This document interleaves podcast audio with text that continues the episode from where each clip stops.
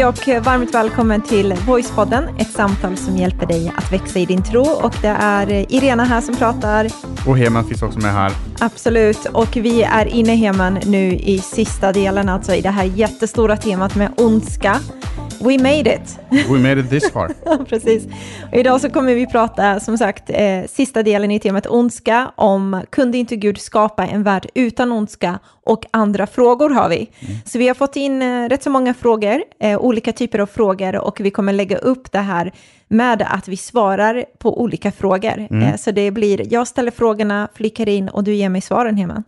Är det jag som ger svaren den här gången? Ja, vi lite. Får, vi, vi, får hjälpas vi, vi får hjälpas åt. Men alltså, jag hoppas verkligen att, eh, för, för titeln på det här eh, temat är ju, det är ju negativt laddat. Det är ju ondska. Mm. Eh, och jag hoppas verkligen det inte har känts som ett tungt tema, utan att man har känt att, jag menar, att det har varit på ett sätt också lite uppfriskande och man har fått lite aha-upplevelser och, och sådär. Och, och, i det här avsnittet så ska vi ju försöka knyta säcken lite grann. Mm. Det ska vi göra. Vi ska knyta säcken ifrån förra avsnittet där vi pratade lite om eh, andra delar utifrån det här med Guds eh, allsmäktighet och kontroll och eh, den fria viljan och mycket annat där. Så, men innan vi går in och pratar om det här så har du och jag faktiskt en liten deadline till och med när vi har det här samtalet och eh, poddinspelningen. Mm. För just nu så befinner sig vår dotter på kalas. Och hon älskar att gå på kalas. Jag tror alla barn älskar att gå på kalas. Till och med de stora vuxna älskar att gå på kalas. Mm. Klockan är kvart över två. Så det gäller att rappa på. klockan tre. så vi kör bara. Men jag börjar med att eh, vi kommer få tillbaka ett barn som är fullt med socker liksom, i kroppen. Men det mm. blir härligt och fantastiskt. Det får vi dela med då. det får vi. vi börjar med en recension som vi har fått in i veckan som eh, var så härligt att läsa. Och eh, då är det en person som skriver så här, så bra. Har i princip varit troende sedan mamma tryckte ut mig från magen och därmed har jag hört mycket av det ni tar upp. Jag tycker ändå att ni lyfter fram det ur ett annat perspektiv och det har fått mig att se saker på andra sätt. Framförallt har tankarna börjat snurra. Måste bara säga att jag älskar sättet som ni fördjupar i olika teman och man får verkligen hela bilden. Min tro blir bara starkare och starkare ju mer jag lyssnar. Bra jobbat! Det märks att ni har Jesus i ert hjärta. Vilken fantastisk recension och samtidigt så tycker jag det är extra kul att hon säger det här att hon känner att hennes tro börjar bli starkare och starkare. För det är ju lite det som är hela poddens grej, ett mm. samtal som hjälper dig att växa i din tro. Exakt. Så där så uh, har det ju hamnat helt rätt. Mm. Tack så jättemycket för den uh, recensionen och uh, man kan som sagt gå in och skriva recensioner både på vår Facebook-sida men också på um, i Podcaster-appen. Där mm. kan man ju gå in och skriva en recension och den recensionen som du skriver Eh, som lyssnar på det här, den kan hjälpa andra att få upp ögonen för det här. Dels genom att man läser recensionen, men också att eh, eh liksom, eh, det är ju Apple som eh, liksom driver hela den, den grejen och då tänker de, hmm, det här verkar folk gilla så vi ger den en bättre placering och promotar den mer. Mm. Och då syns den till fler personer. Så är det. Sen har vi en liten rolig nyhet som vi kommer lansera inom några dagar, men det kommer du se och märka. Jag bara lägger ut en liten... Vad är det för nyhet? Men eh, nyheten med att det kommer bli en uppfräschning, en uppdatering. Ja, men det är ju ingen hemlighet. Du ville vi la ut det på sociala medier.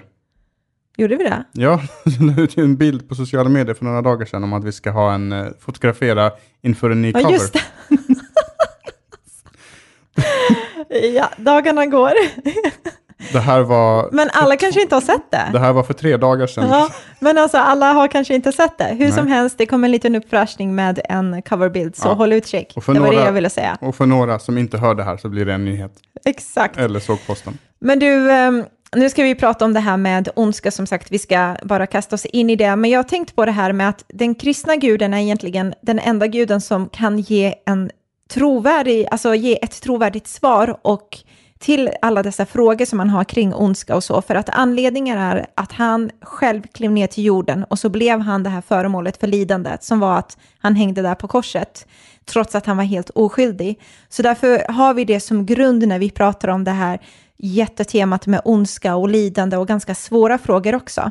Att man känner sig rätt så trygg ändå i att prata utifrån det perspektivet. Ja, alltså just eh, svar på den här typen av frågor kan lätt bli väldigt mycket teoretiska, liksom skrivbordsfrågor som man sitter på skrivbord och så tänker man sig till svaren. Eh, men det som skiljer den kristna guden från allt annat och alla andra gudar då inom citattecken, mm. eh, det är att att, eh, att han sitter inte där och bara har, ger ett svar och skriver ner i en bok och skickar det liksom med, i form av Bibeln då till oss. Utan han, kliv, precis som du säger, kliver ner mitt i lidandet och blir måltavla för lidandet, precis så som vi, vi är. Och det står det också i Bibeln att, att eh, han, han, han eh, eh, led på alla möjliga sätt som vi gör, utsattes för alla saker som vi Ja, men vi har för. inte en överste präst som inte känner med oss i Exakt. vårt lidande, utan han vet hur det är att gå igenom saker och ting. Exakt. Så, men nu Heman, nu kastar vi oss ut på djupt vatten, eller på att säga, men vi sätter igång nu och Mm. svarar på alla dessa härliga frågor.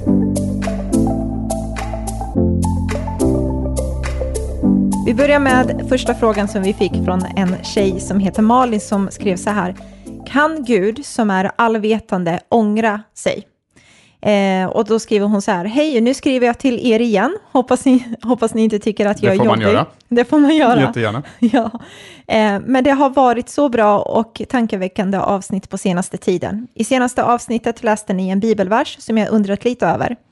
Den där det står att Gud ångrar att han skapade oss, eller något liknande. Hon refererar till förra avsnittet. Men om Gud är all allvetande måste han ju ha vetat vad som skulle hända, så hur kan han ångra sig? Kan Gud verkligen ångra sig? Det kanske inte är så lätt att svara på, men undrar om ni hade någon bra tanke om det. Och det var en väldigt bra fråga. Mm. Eh, och det, det finns ju svar på det här. Eh, det är inte säkert att det är ett hundraprocentigt perfekt svar, men det finns lite olika möjligheter till det här. Men eh, innan vi går in på svaren så skulle man ju kunna säga att just det här med att Gud ångrar sig, och det här har att göra med just det här med syndafloden, när, och då står det just att Gud såg att det var så himla mycket ondska, så Gud ångrar sig då. Ångra att han skapade han människan. skapade- Precis. Eh, och, eh, och det är en jättebra fråga, för att om Gud visste att allt det här skulle hända, eh, varför gjorde han det ändå och kan han då ångra sig och ta tillbaka det och så vidare. För det första, det det här visar, det är just att Gud är inte en maskin, han är inte en bara liksom någon flummig eh, kraft som finns i universum eller någonting annat abstrakt, utan Gud är en person. Inte en människa, men han, en, en, han har en person, han har känslor, han tänker, Precis. han resonerar och så vidare. Det ser man i Gamla Testamentet när han resonerar med vissa personer. Eh, så han har allt det där eh, och, och så står det också att han skapade oss till sin avbild. Så vi har fått det här som, som Gud har i oss också. Så om vi kan ångra oss så kanske det också är så att Gud också kan ångra sig. Eh, men hur kan det då gå till då att Gud kan ångra sig? Jo, det kan antingen vara så att det ordet ångra sig, antingen så är det så att det kanske har tappat sin betydelse, att vi inte riktigt förstår vad det betyder.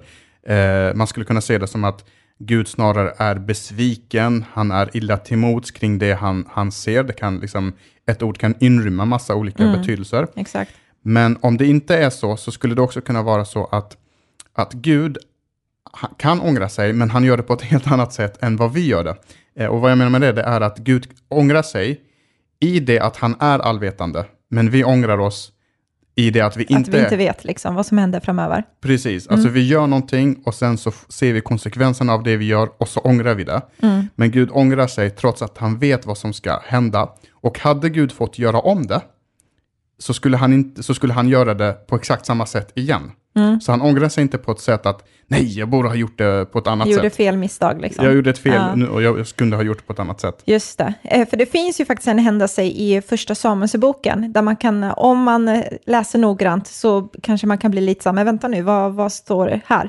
Eh, och i första Samuelsboken kapitel 15, vers 11 så handlar det om kung eh, Saul och David. Och då uttrycker Gud så här i vers 11, jag ångrar att jag gjorde Saul till kung, för han har än en gång vänt sig bort från mig och vägrat att lyda mig. Så här kommer det här ordet så som vi tolkar det. Okej, Gud ångrar sig att han tog det här beslutet att han blev en kung i princip. Och sen bara vers 29, några verser ner. Han som är Israels härlighet ljuger inte och inte heller ångrar han sig, för han är inte en människa. Och då kan man ju bli lite så förvirrad, så här, men, men vad, vä- vänta nu, ångrar du dig eller ångrar du dig inte? Men då är det lite baserat på just de här två olika alternativen som du säger. Ja, och det här är alltså i, i samma kapitel, det är bara några verser Precis. ner. Så, så först säger han att han, Gud ångrar sig, så står det att Gud inte ångrar sig. Och då, då är det ju så här, Gud är så oändligt mycket mer komplex än vad vi är och hans sätt att ångra sig är på ett helt annat sätt. Att han ångrar sig men inte samtidigt därför att han ser framtiden, han är utanför tid och rum och Ja, och, det, och, och, i- och ibland är, måste svaret också kunna vara vi förstår inte till 100%. Mm. För skulle vi kunna förstå Gud till 100%, då är han inte Gud längre. Nej. För då är det någonting som vi har skapat. Och en, och en sån Gud, då blir jag lite nervös. Är det den guden som har kontroll över hela världen? En Gud som jag kan förstå mig på, när jag inte ens förstår mig på mitt eget liv ibland. Så vi, eh, ja, det kanske inte är hundra, liksom så här, det svaret man kanske ville ha, men det är det svaret som man eh, kan eh, leverera för att det ska vara så trovärdigt som möjligt. Eh, och den andra frågan som har dykt upp under det här temat är om Gud skapade djävulen, betyder det att Gud skapade ondskan? Och ett annat sätt att ställa den här frågan skulle också kunna vara att om Gud skapade allt, betyder det då att Gud skapade ondskan? Eh, och vi hade en fråga i förra avsnittet där någon ställde också så här, om Gud skapade allt, skapade han då viruset? Om Gud skapade allt, betyder det att, att Gud också skapade ondskan? Också en jätte, jättebra fråga. Och där finns lite olika svar på det också. Eh, här finns det mer tydliga svar än vad det var på förra, avs- eh, förra frågan. Men det första som man ska komma ihåg, det är vad ondska är för någonting. Och ondska, det är egentligen en avsaknad av någonting annat. Eh, Så det är inte någonting i sig självt och det kan låta hårt när jag säger det därför att vi lever mitt i ondskan och vissa av oss har verkligen drabbats av ondska. Eh, Och sitter jag då och säger där, nej din in- ondska eh, betyder ingenting. Det är inte det eh, som är poängen utan man skulle kunna se det så här. Ta till exempel mörker. Mörker i sig själv är ingenting. Utan mörker, det är avsaknaden av ljus. Så om du befinner dig i ett rum och så hänger en taklampa och den är, lyser, det är det ljust. Men tar du bort ljuset från taklampan, då blir det mörkt. Samma sak med kylan. Eh, om du tittar ut i rymden så är, så är grundtillståndet i rymden kyla. Men när det, och kyla är avsaknaden av värme. Så ju närmare du kommer en stjärna eller en sol, desto varmare eh, det blir. Eh, och på samma sätt är det med, med, med ondska då. Så ondskan är avsaknaden av godhet. Och vi pratade om det i tidigare avsnitt att eh, de första människorna då vände Gud ryggen, de gav rådandeskapet till djävulen och eh, skildes då från Gud. Och där Gud inte är, för vi har också pratat om ett helt avsnitt om att Gud är godhet. Där Gud inte är, där är ondska. Precis. Så ondska är egentligen inget som är skapat kan man säga, utan ondska är någonting man eh, gör eller det uppstår varje gång någon gör det. Eh, och ett annat sätt som man skulle kunna förklara det också är att vi ser att om ett barn i vuxen ålder då skulle begå en jättehemsk grej, till exempel mord och så, så, så skulle man inte kunna säga att det här var barnets föräldrar som skapade det här mordet. Liksom. Exakt. Eh, utan föräldrarna, det de gjorde var att de skapade själva barnet. Men det var ju barnet som begick den här fruktansvärda handlingen, eh, som i det här fallet då är ett exempel på ett mord. Eh, så det Gud gör är att han skapade oss människor med den här fria viljan som vi nämnde lite i förra avsnittet. Men det är fortfarande vi människor som väljer att använda den här fria viljan för att göra ont. Eh, och jag tycker förklaringen kring det här med ondska, vad det är för någonting och vad det inte är för någonting, ger kanske en lite lättare förståelse för, för hur man ska tänka kring det här. Precis, och Gud, så, så man kan säga att indirekt så kan man säga att Gud skapade ondskan, därför att ingenting som finns till hade funnits till utan Gud. Men Gud skapade inte direkt ondskan, utan han skapade möjligheten till att både göra gott och ont på grund av att han, vi skulle ha frivilliga, och det kommer vi prata eh, lite mer om nu. Jag tror Heman att det finns en eller flera där ute som tänker så här, eller har tänkt, "K- kunde inte Gud bara skapa en värld utan ondska? Alltså, kan inte Gud, eftersom han vet alla liksom konsekvenser av saker och ting, kunde han inte bara skapa en värld utan ondska? Eh, för det hade varit helt fantastiskt om, eh, om han visste om det, liksom, hur det ändå skulle bli, om han kunde bara skippa det. Mm. Och det är exakt kopplat till den här frågan som du ställde nyss. Liksom, var det Gud som skapade ondskan och kunde han inte skapa det hela liksom, utan, utan ondska? Och svaret på den frågan är kort och gott nej. Eh, inte om vi samtidigt vill ha en fri vilja. Och jag tror att ingen av oss, eh, alltså problemet är ju inte den fria viljan egentligen. Eh, precis. Det är ingen av oss som sitter där hemma och tänker att nej, om jag fick välja, då skulle jag inte... Ingen fri vilja till Ingen- folket. Precis. Och bara, bara så här, om jag fick välja så skulle jag inte välja frivilliga. Nej men alltså, vi, det tog det några sekunder att fatta. Ja. Eh, trots att det, ja, i alla fall. Så hade vi, eh, eh, om Gud ska skapa en varelse med frivilliga, och vilket han vill, eh, därför att eh, Gud kan inte skapa kärlek utan frivilliga, så om, om kärlek ska kunna existera så måste vi ha frivilliga. Mm. Då, då, eh, då måste ondskan, risken till att göra ont också finnas där. Mm. Eh, och, och det är det som är poängen med det hela, att Gud ville skapa kärlek. Han ville skapa en varelse som älskar Gud, men inte på det här sättet liksom att... eh, Vi är programmerade liksom. Exakt, att vi är programmerade eller att stackars Gud, han är ledsen nu och han vill skapa någonting för att trösta sig själv. Mm. Och, utan han vill skapa kärlek mellan sig och människor. Han, vi, vi, han vill att vi ska vara mottagla för hans kärlek. Han vill att vi ska älska honom tillbaka. Men han vill också att vi ska älska varandra. Mm. Det är liksom det nya budet som Jesus kommer med i, i eh, Nya Testamentet. Eh, men om kärlek ska kunna existera så måste det ske frivilligt. Precis. För kärlek kan inte programmeras in och det har vi säkert eh, vidrört att om jag skulle upptäcka, eller du skulle upptäcka, att jag är programmerad att älska dig så skulle det vara inte kul alls. Nej. Verkligen jättetråkiga nyheter hade det varit. Men om, och om man tänker så här, men kan inte Gud bara gripa in varenda gång han vet om att nu kommer det hända någonting hemskt, nu kommer den här personen göra den här handlingen, kan han inte bara gripa in där och skydda? Men om Gud skulle ingripa varenda gång vi gör fel så finns det inte så mycket kvar av den här fria viljan då, utan då är det ju någon annan som går emot min fria vilja, alltså och ser till att jag inte kan utöva min fria vilja. Ja, då, då går vi liksom runt med bakbundna händer, Ja. armar och vi kan inte göra det vi vill. Så om det till exempel skulle vara så att ja, men nu vet Gud att någon håller på att bli mördad här, så Gud griper in och stoppar då det här, då, då har vi inte en fri vilja längre, för då kan vi inte göra det som är ont. Eh, då kan vi bara välja det ena men inte det andra och då går det inte att kalla det för fri vilja längre. Nej, Eh, och, eh, och då kan vi inte välja att älska heller, för då har vi inte den fria viljan. Eh, så, så lite grann här är det just att man, man kanske vill ha kakan, men man vill äta upp den ändå. Lite som Timbuktu eh, sjöng i sin låt, att alla vill till himlen, men ingen vill dö. Mm. Eh, och, och det funkar inte på, på det sättet, utan, utan de här två sakerna hör ihop.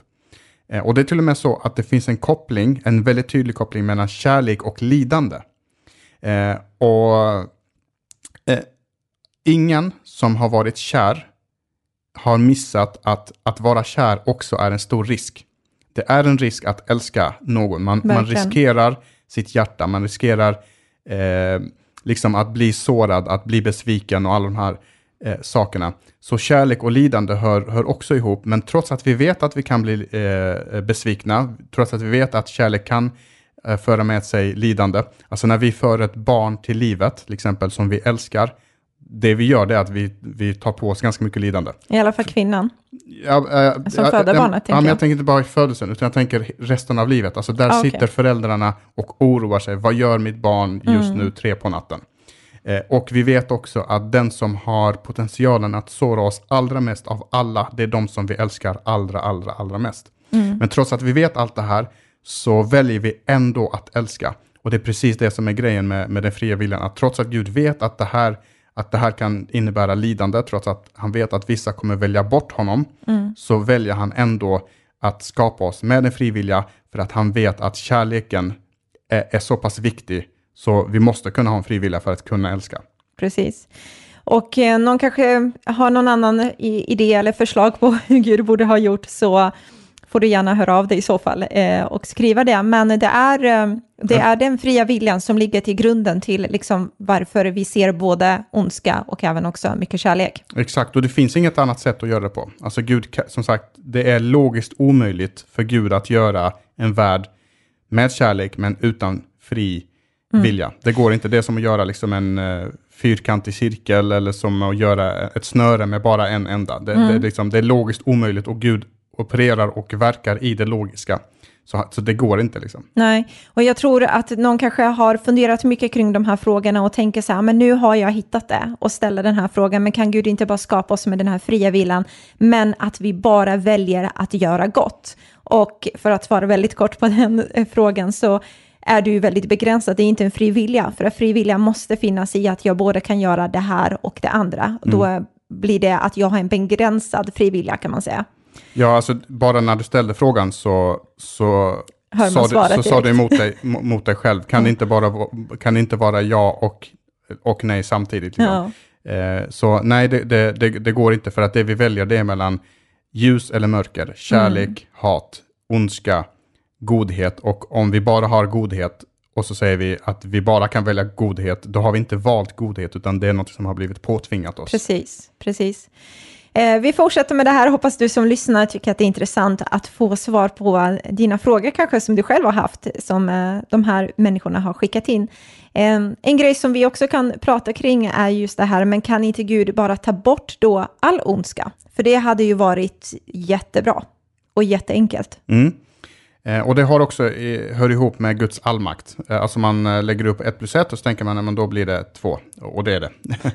eh, men då tänker man så här, om, men Gud är allsmäktig, han kan göra vad han vill, men då kan han också ta bort all ondska. Och ja, Gud är allsmäktig, men som sagt, Gud är också begränsad till eh, den, den logik som han själv har skapat. Precis som jag sa, man kan inte skapa en fyrkantig cirkel och så vidare. Eh, och det är exakt på samma sätt här att vill, vi, vill Gud få bort det ena så måste han få bort det andra därför att de två är så pass eh, ihop sammankopplade. Och då har Gud två alternativ här om han ska ta bort all ondska. Och det ena alternativet är att han kan, han kan ta bort den fria viljan. Men då försvinner kärleken med det. Vi kan inte älska Gud, vi kan inte älska varandra. Vi blir programmerade robotar. Och det andra, det är att ta bort den som gör ondskan. Och vi har konstaterat i tidigare avsnitt att den som gör ondskan, det är vi människor. Så då är hans andra alternativ, det är att ta bort oss människor helt enkelt. Och det är de två eh, liksom alternativen som finns. Och de två alternativen är, den fria viljan har vi kvar, men vi ser i historien där utifrån när man läser i Gamla Testamentet att Gud tog ju bort människan. Eh, Det var det vi läste om det här, att han ångrade att han gjorde människan och så kom den här eh, floden. Eh, så det gjorde han en gång eh, och ondskan var ju tvungen att, att bli straffad då. Exakt, och det kan man bli lite arg för. Liksom så här, men Gud tog bort ondskan. Han blev, så, han blev så vred och arg över ondskan, precis som vi kan bli ibland. Så han tog bort ondskan och med ondskan så tog han bort oss också i syndafloden. Och när vi läser det, då blir vi arga för det istället. Varför gjorde Gud på det sättet? Så hur vi än, som sagt, vi vill ha kakan, men vi vill äta den ändå. Mm. Men det vi ser är att Gud lovar att han aldrig mer kommer göra om det på det sättet. För att Guds hjärta är att han vill inte plocka bort oss människor. Han älskar oss människor och han vill att vi ska ha den här genuina kärleken så som du pratar om utifrån det fria viljan hemmen. Men samtidigt är Gud också rättvis och han behöver straffa ondskan. Eh, men det han gör i det här fallet är att han löser det genom att själv eh, kliva ner och dö på ett kors och straffa sig själv då. Så när Jesus kommer där och är en människa och känner med oss, känner med vårt lidande eh, och Jesus som är Gud hänger där på korset så låter Gud varenda synd, varenda ondska, mörker i världen som har funnits, finns och kommer att finnas få det här eh, rättmätiga straffet genom att hälla ut hela Guds vrede över synden på Jesus själv. Eh, så när Jesus hängde där på korset så led han och vad som hände var att han skildes från Gud för att om möjligt kunna vinna tillbaka den här relationen utifrån den fria viljan som varje människa har.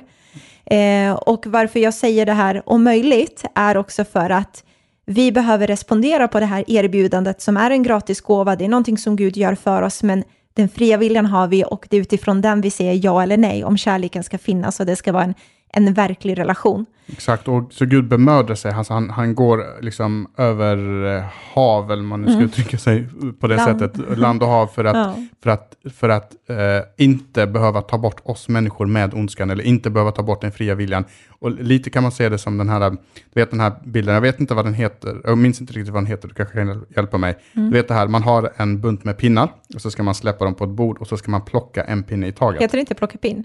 Plocka pinn, eller, det, det har ett namn, men typ så här, Mikado, Mikado. så var det. Exakt. Eh, om Gud hade tagit bort all ondska i världen, då är det som att ta alla de pinnarna och bara slänga dem i papperskorgen. Men det är inte så Gud gör, utan det är som att Gud vill plocka bort just ondskan, men vi, vi ska vara kvar, så att säga. Och det är det som gör att på grund av det så bemödar sig Gud att kliva in i våran mess, i våran röra, i våran skit, rätt ut sagt. Eh, och, och så löser han det här åt oss. Och så, liksom, och så får han med båda två. Han får, vi har kvar vår fria vilja. Han, han gör världens största kärlekshandling gentemot oss. eh, och visar hur mycket han älskar oss genom att dö för vår skull. Det finns ingen större kärlekshandling än att dö för en annan person. Mm. Och samtidigt så ger han oss chansen att, men jag har gjort allt det här för er och nu är det er tid att respondera. Vad väljer ni? Och så kommer den fria viljan igen då där. Precis, så antingen så tar vi på oss ansvaret själva för våra handlingar, för vår eh, ondska och mörker och allt syn, all synd, liksom. eller så låter vi Gud själv betala vår skuld. Och det var det Jesus gjorde för hela mänskligheten. Så frågan är bara om vi utifrån den fria viljan säger ja, att man vill ta emot det och bli återförenad med Gud. Och det som gick egentligen förlorat i Edens lustgård när Gud skapade människan så ger Jesus det tillbaka till Gud. Och vad jag menar med det är att Gud gav människan den här fria viljan. Eh, och utifrån den här fria viljan så hoppades han att vi ville lyssna till honom, att vi vill följa honom och lita på honom, att han vet vad som är bäst för oss. Men med facit i handen och det vi har pratat om i tidigare avsnitt så lyssnade vi istället på djävulen, blev frestade och ville gå vår egen väg och vara vår egen Gud i princip. Och när Jesus befinner sig strax innan korsfästelsen i en trädgård som heter Getsemane och eh, notera att det är ganska intressant att människan som blev skapad befann sig i Edens lustgård som var typ paradis och trädgårdlikt. Mm. Eh, och nu så befinner Jesus sig i en trädgård där han är på väg till att korsfästas. Och vad som händer är att Jesus våndas där inför det som ska eh, inför det han ska möta helt enkelt, att han ska bli korsfäst. Och då ber han det här i Lukas evangeliet kapitel 22 och vers 42. Fader, om du vill, låt mig slippa denna bägare, men låt det bli som du vill, inte som jag vill. Mm. En annan översättning säger, ske din vilja, inte min vilja. Så han ger över liksom det här rådandet tillbaka till Gud och bara låt din vilja ske utifrån min fria vilja, låt din vilja ske nu. Eh, och han ber egentligen en bön som Adam och Eva borde ha bett, eh, som vi faktiskt egentligen borde be i våra liv varenda dag. Mm. Gud, låt din vilja ske i mitt liv. Och det är exakt den bönen som också Jesus lär oss att be. När lärjungarna frågar Jesus, kan du lära oss att be? Så säger han ja, och så lär han eh, dem att be Fader vår. Fader vår som är i himlen, så står det i den eh, bönen också att låt din vilja ske, så som den sker i himlen, låt den ske på, på jorden. Mm. Så jag tror vi har nämnt ordet fri vilja och vilja en miljard gånger. Men här knyts säcken och där Jesus verkligen visar vad vägen framåt är. Och vägen framåt är just det att Gud gav oss den fria viljan, det är sant. Men vill vi ha en värld med godhet, med ljus istället för mörker och alla de här sakerna, då, då ska vi ge tillbaka den fria viljan tillbaka till Gud och säga, men tack Gud för den här fria viljan. Med, med den fria viljan så ger jag dig frivilligt min vilja tillbaka mm. till dig. Låt din vilja ske, för du är allsmäktig. Du är allvetande. Du har helikopterperspektivet. Jag är begränsad. Men jag vet att om din vilja sker i mitt liv, då kommer godhet både i mitt liv men också i hela världen. Precis, och det är där vi ser Guds rike bredast. Det är där vi ser Guds vilja ske, när vi låter utifrån vår eh, fria vilja att Guds vilja ska ske. För att som vi pratade om förut, det som sker på jorden här och nu är inte det som Gud har tänkt i början. Men än en gång så har vi kraft eh, har vi fått kraft och makt och myndighet utifrån Jesus att kunna låta det som är där ovan i himlen bli manifesterat här på jorden också genom att säga Gud, låt din vilja ske.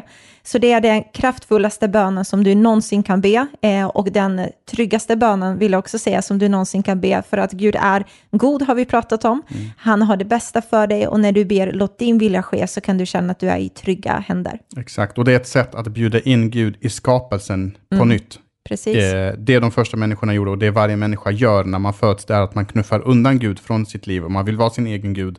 Men genom att säga Gud, låt din vilja ske, då bjuder vi in eh, Gud in i skapelsen. Och det som händer när vi bjuder in skapelsen, det var det vi, nämnde nyss, att när vi bjuder in ljuset i ett mörkt rum så blir det ljus. När vi bjuder in eh, värmen i kyla så blir det värme. Precis. Och när vi bjuder in godheten in i en mörk värld, ja då, då får vi godhet. Eh, och det är det som är hela poängen, det är det som är liksom grejen med, med Jesus, att han gör det här och tack vare vår tacksamhet till Jesus så säger vi att Gud, du har gjort så mycket för mig och det är inte ens ett pris att betala att ge min vilja tillbaka till dig för att godhet ska kunna existera på den här planeten. Grymt! Nu har vi haft en frågemaraton kan man säga. Där vi har svarat på eh, dina frågor och eh, har du fler frågor så skicka in dem snabbt innan vi påbörjar ett helt nytt tema som vi ska göra strax. Eh, men eh, jag tror att vi har täckt i alla fall de mest grundläggande frågorna som har dykt upp under det här temat med ondska. Tack för att du lyssnade. Eh, och dela gärna eh, just det här avsnittet också till de människor som du har runt omkring dig för att man kanske har funderat kring dessa frågor och det blir ju perfekt att liksom vi ställer frågorna och svarar samtidigt.